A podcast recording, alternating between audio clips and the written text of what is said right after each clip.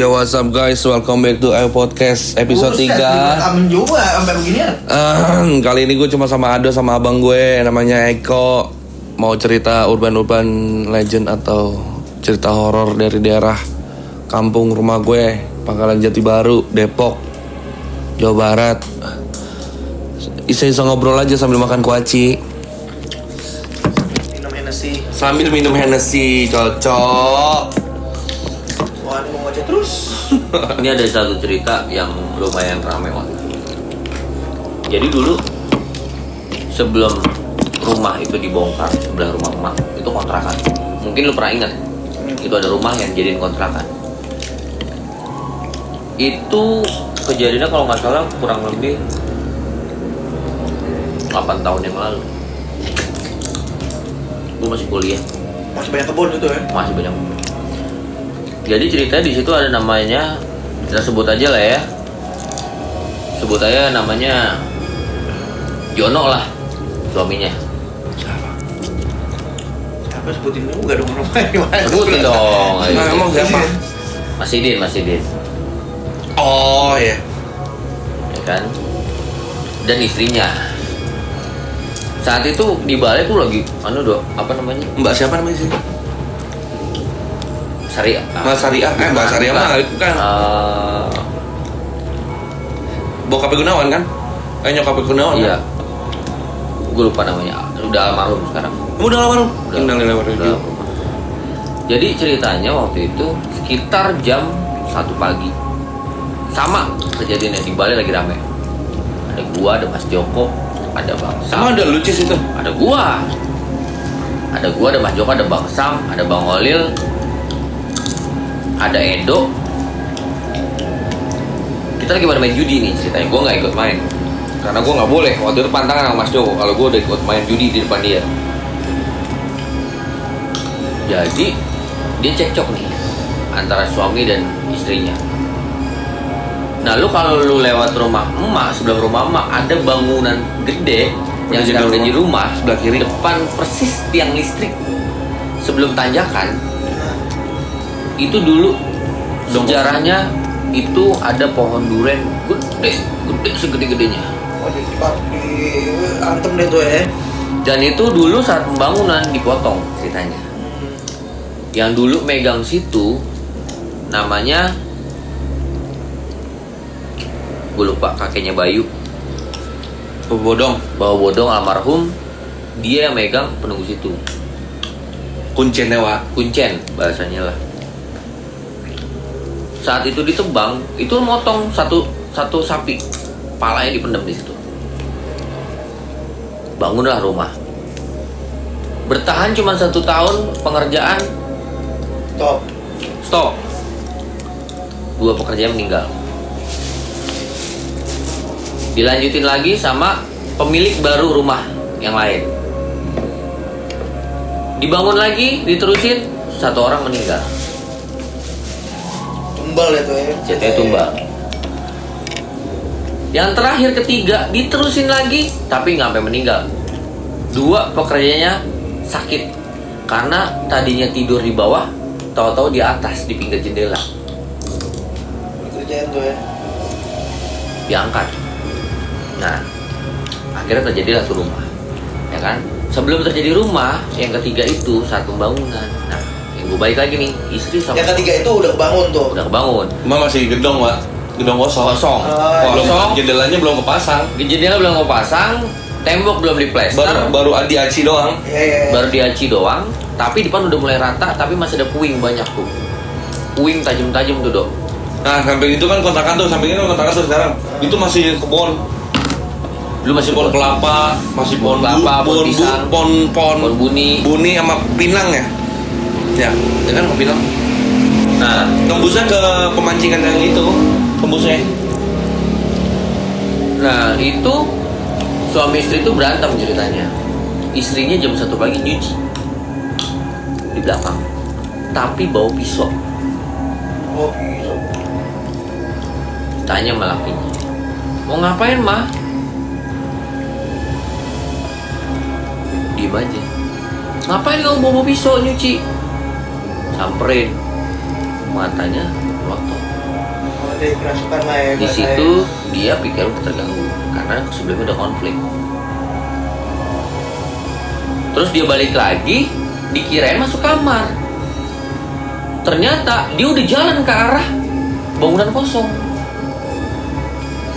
Sontak gue kaget ke- kejar dong semuanya.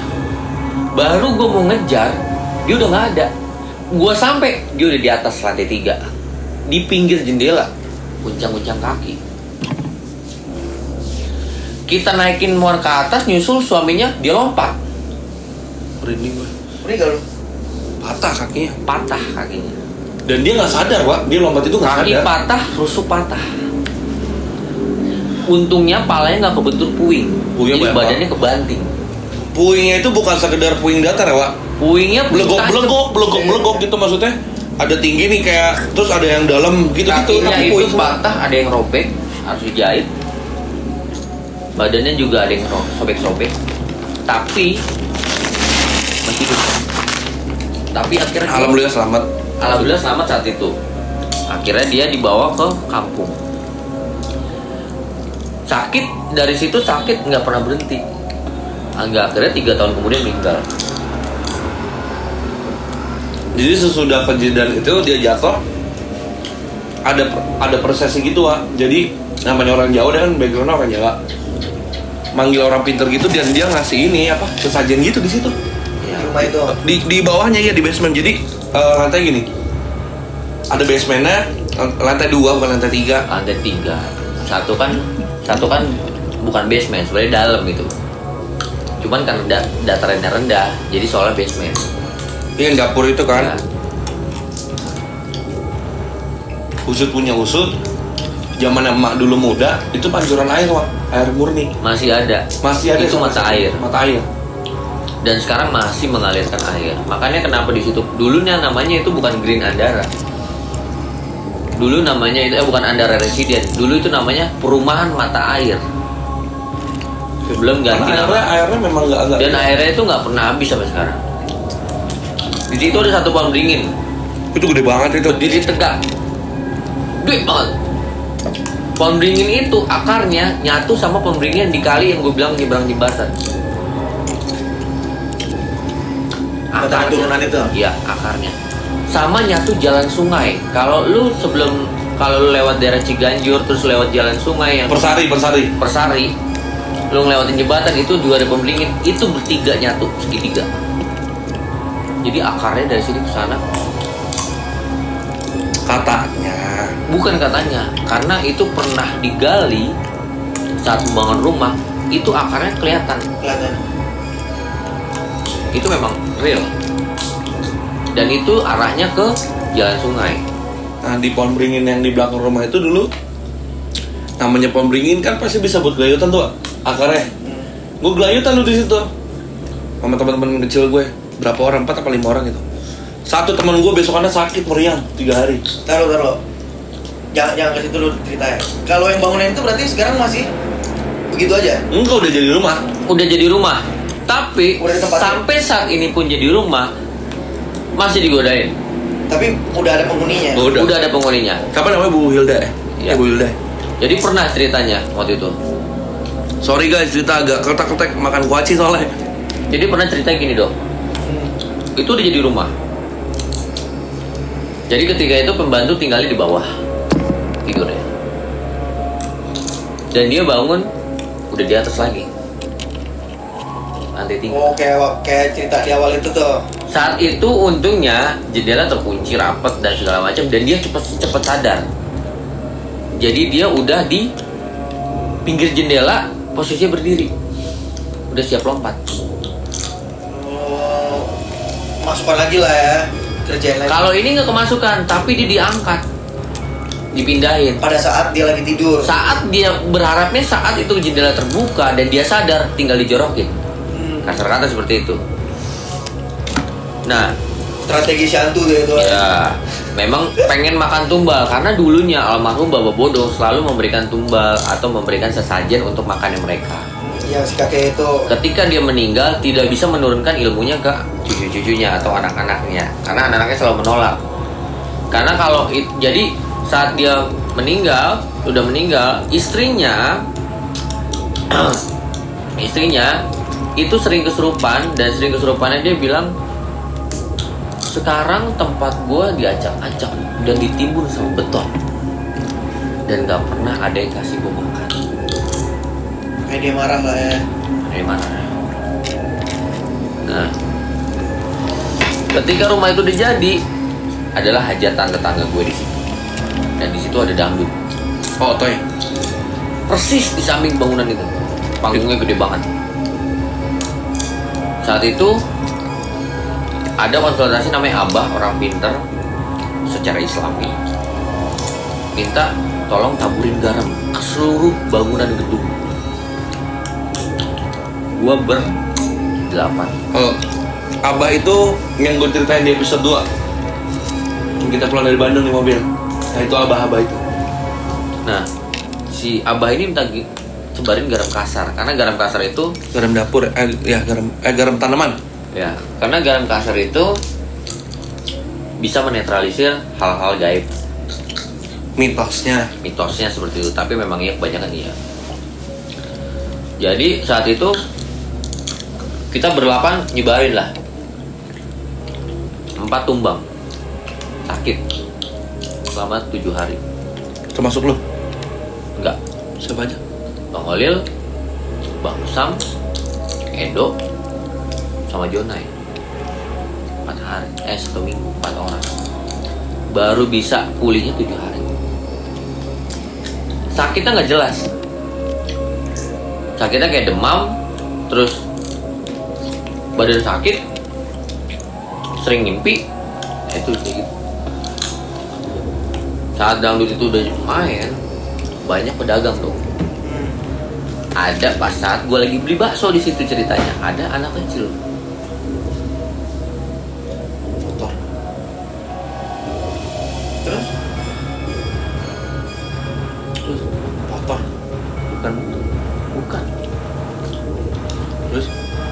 saat itu anak kecil bilang gue lagi pesen bakso di satu tempat itu juga. Anak kecil lihat ke atas jendela dan dia bilang sama mamanya mah mah kok di atas ada nenek-nenek rambutnya panjang di jendela? Sambil dada-dada Itu gedungnya masih kosong tuh ya? Itu enggak, dia itu dia yang sering nyebabin buat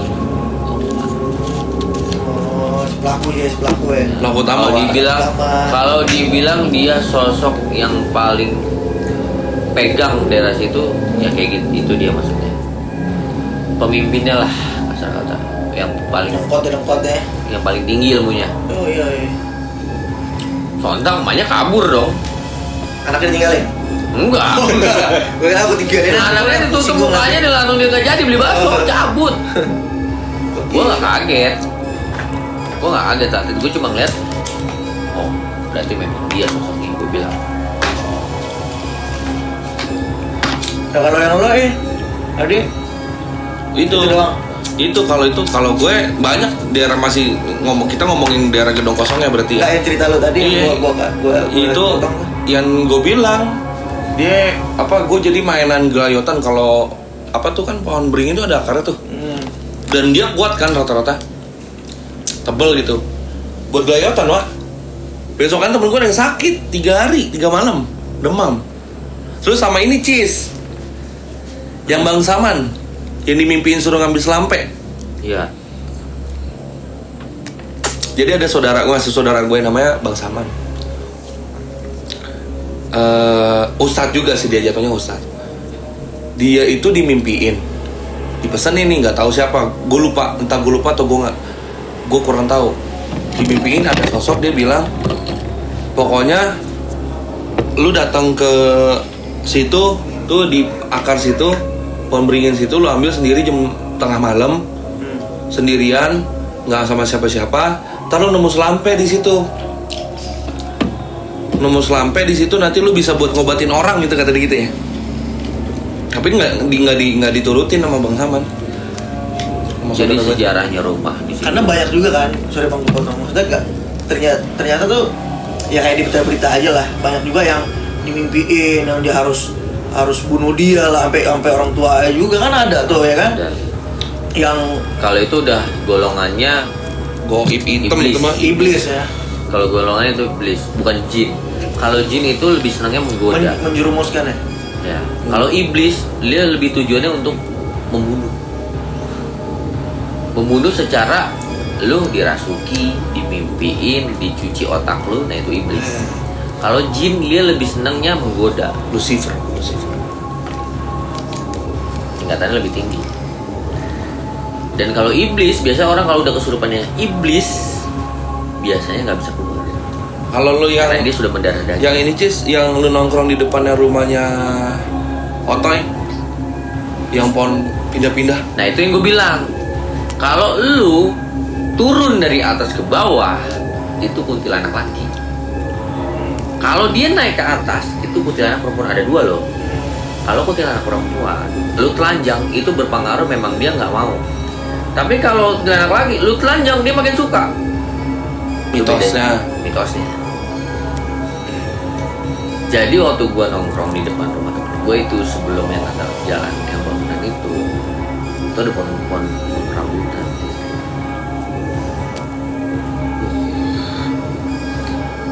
Jadi saat itu jam 2 pagi tuh gue ingat tuh dua atau setengah tiga gue lupa. Kita lagi duduk bertiga gue cuma bertiga gue Otoy sama satu lagi Edo. Dajjal bukan nama Dajjal. Nah, sama Edo bertiga. Bu. Pertama itu dulu tuh. Tadi yang kayak gue denger nih. Barusan. Bu, suara begitu. Pikiran gue cuma dua. Antara itu kelapa atau itu pala. lah bukannya rambutan yang lu bilang bukan Bukan. Kalau rambutan jatuh nggak begitu dong. Nggak, maksudnya maksudnya- mau pindah-pindah dari jadi pindah-pindah gitu ntar lanjutin dulu Gue dua nih antara kelapa atau pala. Dua doang nih pikiran gue. Jadi ketika gue duduk, Edo geser nih, pindah berdiri. Otoy berdiri. Kok sebelah kiri gue berat? Gue tanya sama Edo, Dok, lu pergi ninggalin gua karena di belakang gua ada apaan? Dia coba bilang, itu dong ngedipin mata ya udah gue paham Gak lama gue diri juga hilang tuh. Ketika gue lagi berdiri itu bertiga. Itu di ujung tadinya ada pohon kelapa. Itu pindah. Dia langsung hilang. Ping! Pindahnya ke pohon rambutan. Lompat lagi. Pohon kelapa yang satu lagi. Tapi gerusak-gerusak pak. Sok sok sok. Pindah lagi ke pohon rambutan. Bet! Turun pala duluan. Cus! Aduh dia turun pala duluan arahnya ke muka kita. Tapi mukanya nggak kelihatan. Di depan lu maksudnya gitu ya? Persis di depan kita. Turun. Tapi pala duluan yang turun ya. Kalau kuntilanak lagi pala duluan yang diusap. Begitu ke bawah. Pala duluan arahnya ke muka kita mata Boilah, dok. Buh, kan ada juga tuh. Kalau kuntilanak- merah itu apa tuh? Wah itu biangnya kuntilanak tuh oh. Mitos iya tuh laki cewek apa sama aja? Cewek. Biasa gitu ya. Cewek. Kuntilanak lagi sama aja pakai putih sama. Cuman dia membedakannya gue bilang turun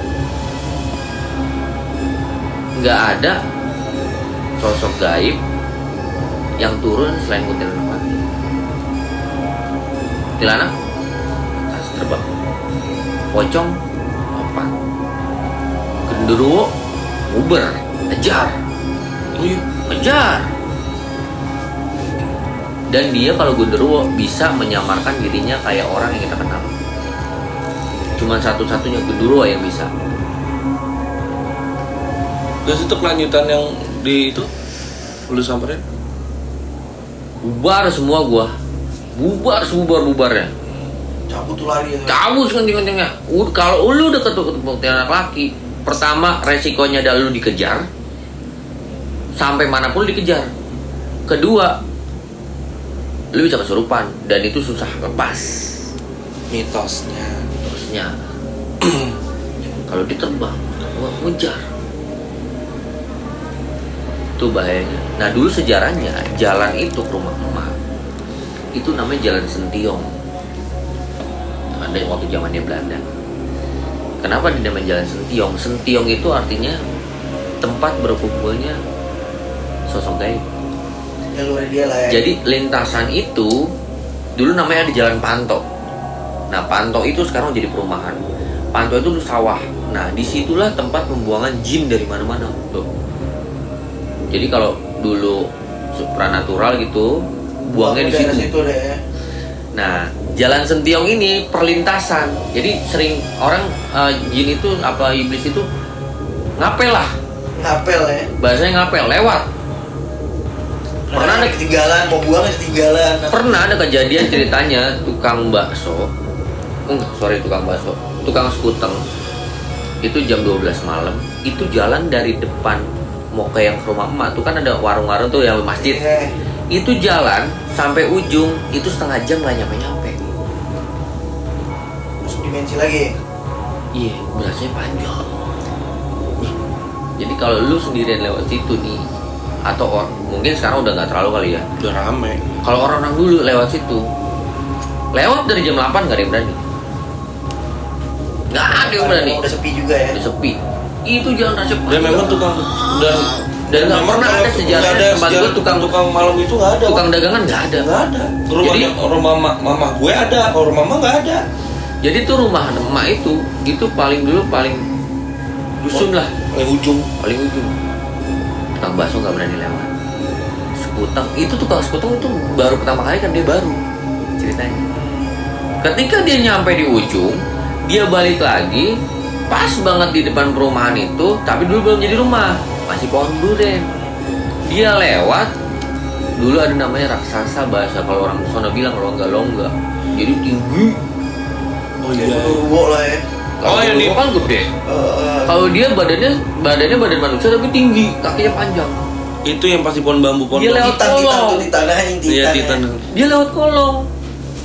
Kolongnya pas dia datang, ya gede, tinggi sosoknya.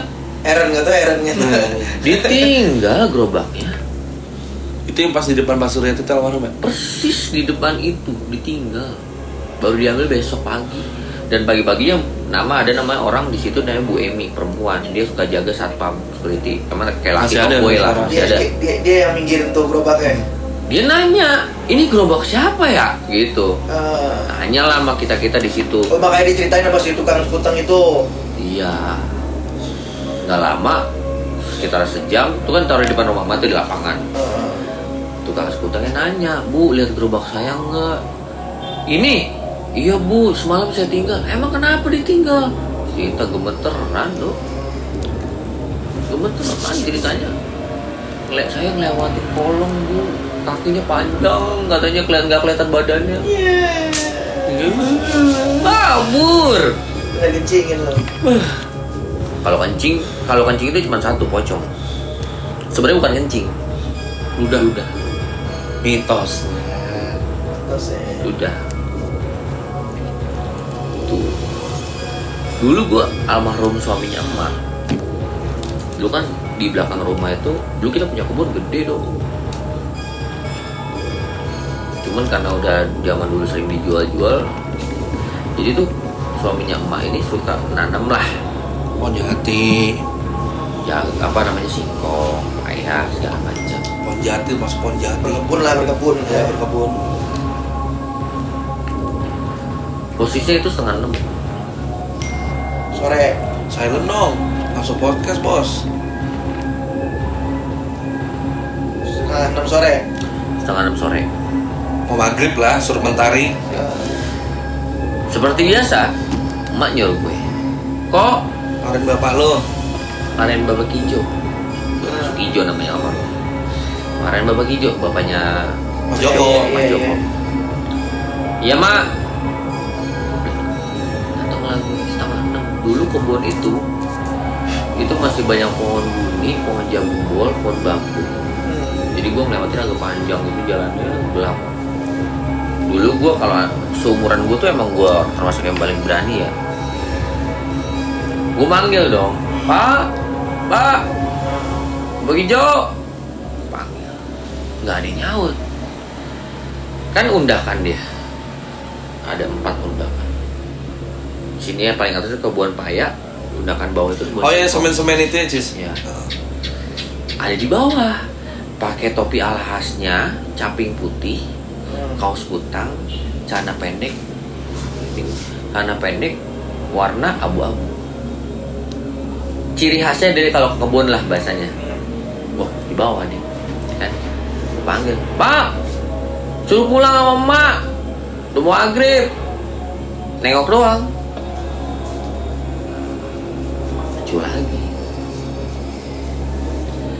pulang kan? Gue pulang.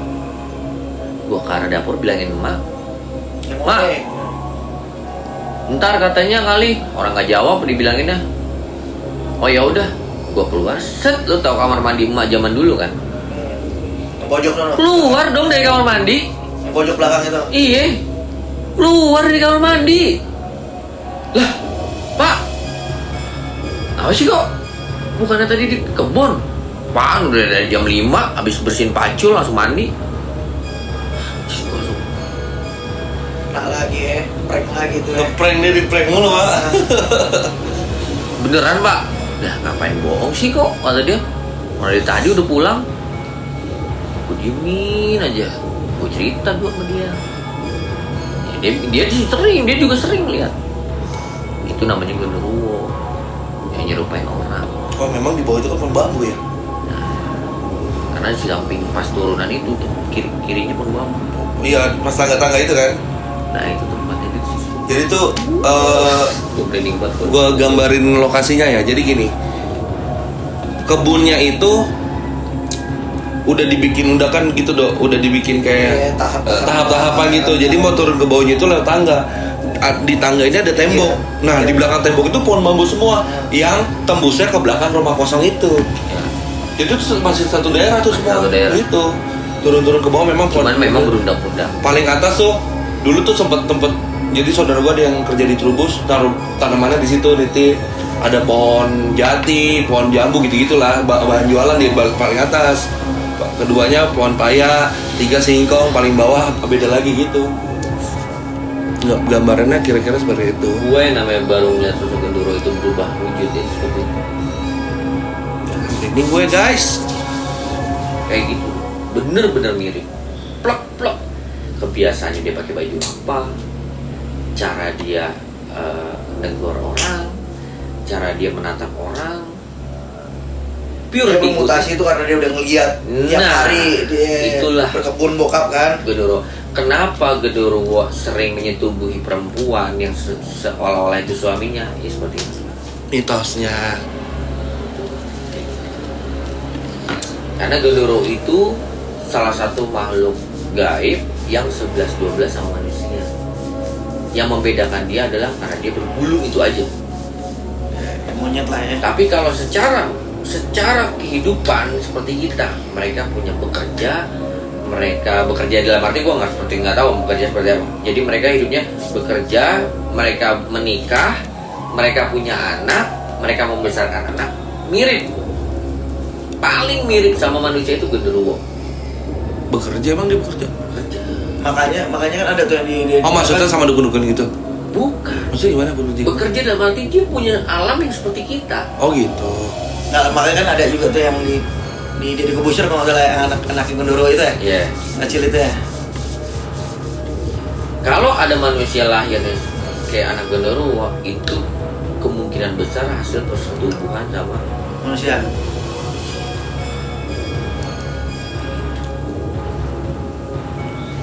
Lebih kayak gitu daerah rumah gue. Emang terkenal banget sih. Apalagi yang ini Cis yang yang di pemancingan Karamina dulu yang orang mancing bawa ikan mas. Dapat mancing malam-malam. Eh sore pulang. Di, eh malam-malam apa sore gitu. Pokoknya pas dibawa pulang nih Wak. Ikannya nangis Wak. Ikan masnya. Iya kan? Ada kan ya? Ikan masnya Cerita. nangis. Minta dibalikin. Dibalikin akhirnya. Cerita paling horor itu di daerah itu tuh banyak banyak banget Ini kan cerita itu kan sekarang kan ini kan tadi kan cerita daerah yang rumah kosong yang pemancingan Karamina diceritain. mana sih Nih. Pemancingan Karamina. Kayak kalau pemancingan kalau gua kalau ngomongin pemancingan nggak ada habisnya kan parah jadi dulu tuh pemancingan itu dulu emang sejarahnya itu bekas waduk tapi alami. Tapi makanya tapi dibikin pemancingan. Nah sumber airnya itu dari mata air itu yang tadi gue bilang. Air pemancingannya. dingin. Ada kurang lebih 27 kotakan pemancingan. Yang paling besar namanya empang lebar kita bahasanya dulu. Paling gede segede-gedenya. Nah itu yang sering makan korban. Nah air yang dialirin itu dari mata air itu dok. Hmm. yang nggak akan habis. Jadi dia nyak Sampai sekarang tuh ya. Masih, sampai Wak. sekarang Masih, Wak.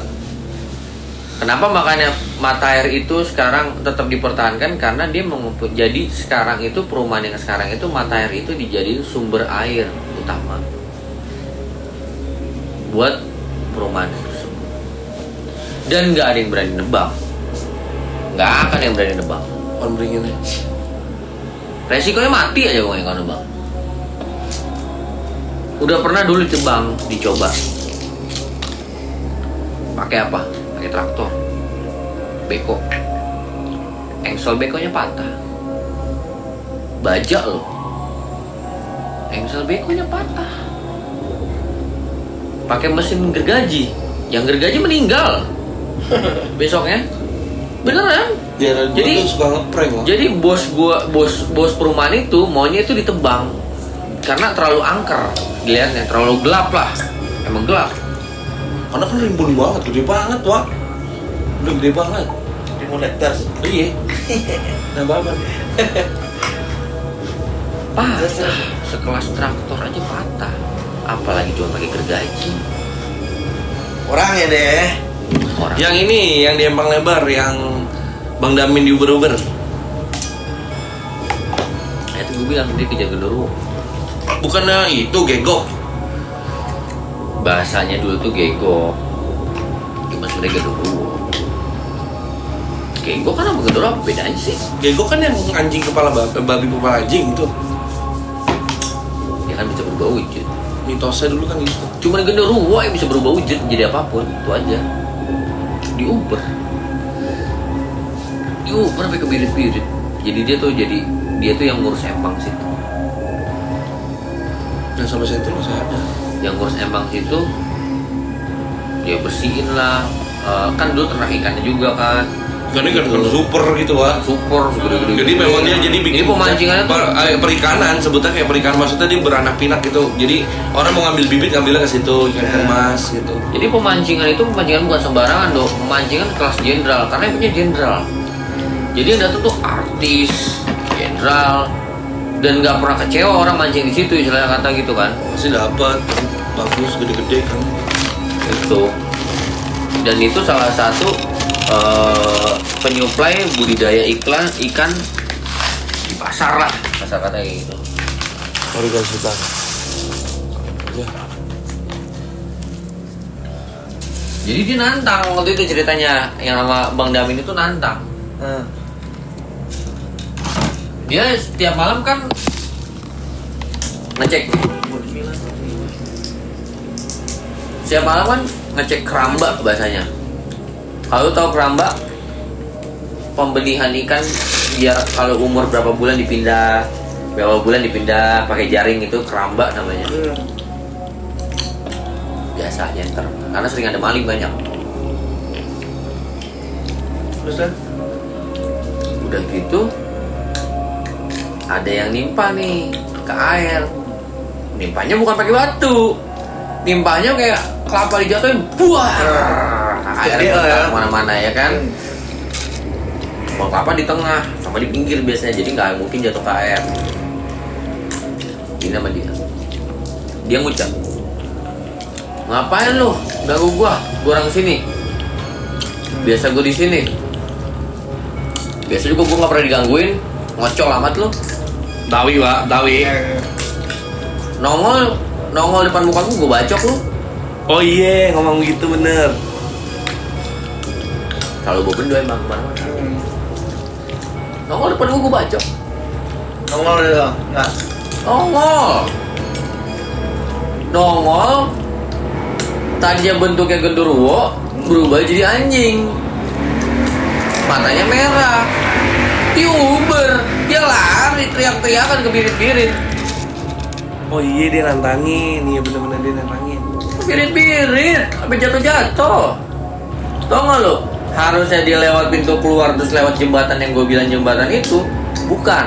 Ada jalan sebelum keluar itu ada kayak jembatan yang eh, kabel PLN tanam. Dulu Iya. Buat nyebrangin dia jadi tuh kalau buat nyebrangin kabel pakai jembatan Iya. gitu. lewat situ Terus itu kan ada pagernya ya? sampai nyebur-nyebur kali. Ada pagar dilompatin kan? Pada beset Yang bawa pohon rengas kan? iya. Habis pada beset kakinya. Nyebur-nyebur kali. Nantang sih ya. Nantang. Dia nantang. Sakit tujuh hari. Iya, iya bener tuh. Uber intinya gitu. Jantangin dia. Kalau lu digodain dan lu menantang lu pasti. Ya kalau nggak sakit-sakit amat nggak usah lah. kalau lu nggak kalau lu nggak punya pegangan atau lu punya pegangan dalam artian Tuhan ya maksud gue yang kuat gitu bukan cuma sekedar lu sholat tapi lu tidak mendalami atau tidak ikhlas sholatnya kelar lo kelar dalam artian dia tidak bisa membunuh orang secara dan lu nusuk orang mati enggak lu dibikin jatuh lu dibikin kecelakaan bisa kayak gitu. Menyebabkan. ya menyebabkan. Tukang ngeprank emang setan tukang ngeprank. Iya lihat aja kayak gue. Sama ini. lu kalau mau tanya emak ceritain lu banyak emak tuh punya punya temen perempuan. Nah itu di mata air itu. Penunggu matanya ngobrol lah cantik. Bentuknya putri Dewi. Sampai saat ini. Jadi kalau di zaman dulu kan masih kebun-kebun itu nyokap emak masih kecil cerita nih ke anak cucunya. Dulu tuh tempat gue berak gitu, tempat gue buang air. iya Jadi kalau dia buang air ditemenin Ya, wah. jadi jalur situ itu air mata air itu pakai memang temen dia ya. tempat buat habis berak dicebok lah. Itu dan lu nggak boleh berendam di situ. Jadi airnya itu harus lu ambil pakai ember. Jadi nggak boleh ngotorin Sangat- bening banget. Kan dan emak itu kalau buang air pup dulunya itu selalu ditemenin. Makin kawan deh. Kasar kata dijagain lah. Mana kawan? karena dulu almarhum kakek gua yang punya perumahan itu Pak, tanahnya. Kalau kakek gua dulu nggak suka main jaipongan suka nyawer sama biduan-biduan jepong itu masih gue Pak. segede gitu Dua hektar ada itu ya? Lebih. ya? bilang Itu yang tinggal di situ tuh Fitri Tropika. jadi kakek gua tuh punya kayak bebas ya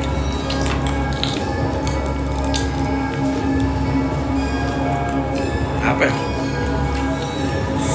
korin Koring. Korin. Oh. Kembaran. Yang melindungi Kodam. beda. Kalau kodam lu ngambil lu taruh.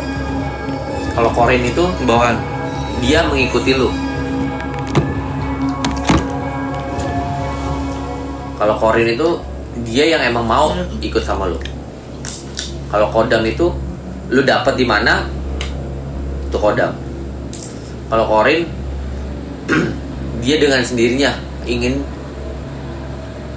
tunduk sama lu mengayomi lo lah bahasanya. Dan dia akan setia sama lu sampai mati. Bahkan sampai lo punya anak cucu dia akan mengikuti. Oh itu Korin namanya. korin. Jin Korin, korin. Intinya bawaan ya. Wah, jin korin. Kenapa? Emak. Terakhir kemarin di Rukia. Dan masalah dia punya masalah pribadi dengan anak-anak. Ya kan? Atau dia punya masalah apa pun jadi saat saat kita kemarin coba untuk rukia ya, dok biar dia pikirannya lurus kan udah tua ya kan tinggal sendirian gue takutnya dia ngomong apa. Si perukianya bilang ini sudah korinnya yang membawa. Kenapa masa ini lupa? Ini udah korin itu yang gue bilang dewinya itu dari waktu dia kecil. Karena di rumah yang itu gelap itu Pak Emak tuh ngobrol Pak Masih gitu kan. Iya pokoknya sama siapa aja ngobrol. Katanya bokap gue, almarhum bokap gue dateng Suaminya dateng, al- almarhum. Ngobrol. Lah itu di dalam ada bapak lu gitu. Seriusan? Orang kalau normal nih, maksud gue dalam pengertian normal dalam pengertian lu atau siapa pun, lu tinggal di rumah emas sendirian, lu berani dengan kondisi Sendirian emang ada lah. Dengan keadaan yang sekarang Gelap gelap gulita cuma kamar doang yang hidup lah. coba emak. Mas Joko aja gue yakin kebirit-birit. Beneran. Gua dulu masih lengkap aja di rumah itu, itu jendela aja sering banget diketok-ketok, sering banget dibuka. Itu masih kondisi masih utuh ya, Mas Joko masih tinggal situ, gua tinggal situ. Masih pada bujang? Masih pada bujang. Gua aja jendela sering dibuka. Mending cuma dibuka. Dilemparin batu. Batu-batu gini ya nih yang pola kecil kerikil. Pagi-pagi kasur gua penuh. Reset dari situ. Rese iseng. Mau ngajak main? Mau yang main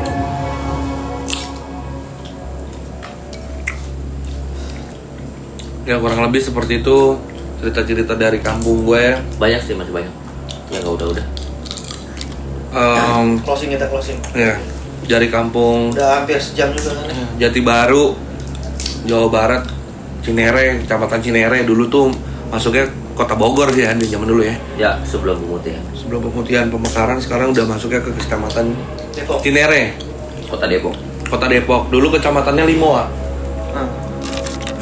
Nah, Nah, sejarahnya kayak gitu buat mungkin ya yang tahu yang tahu yang pernah dengar daerah eh, Jalan Ibnu Arma, main-main deh. main-main deh tuh.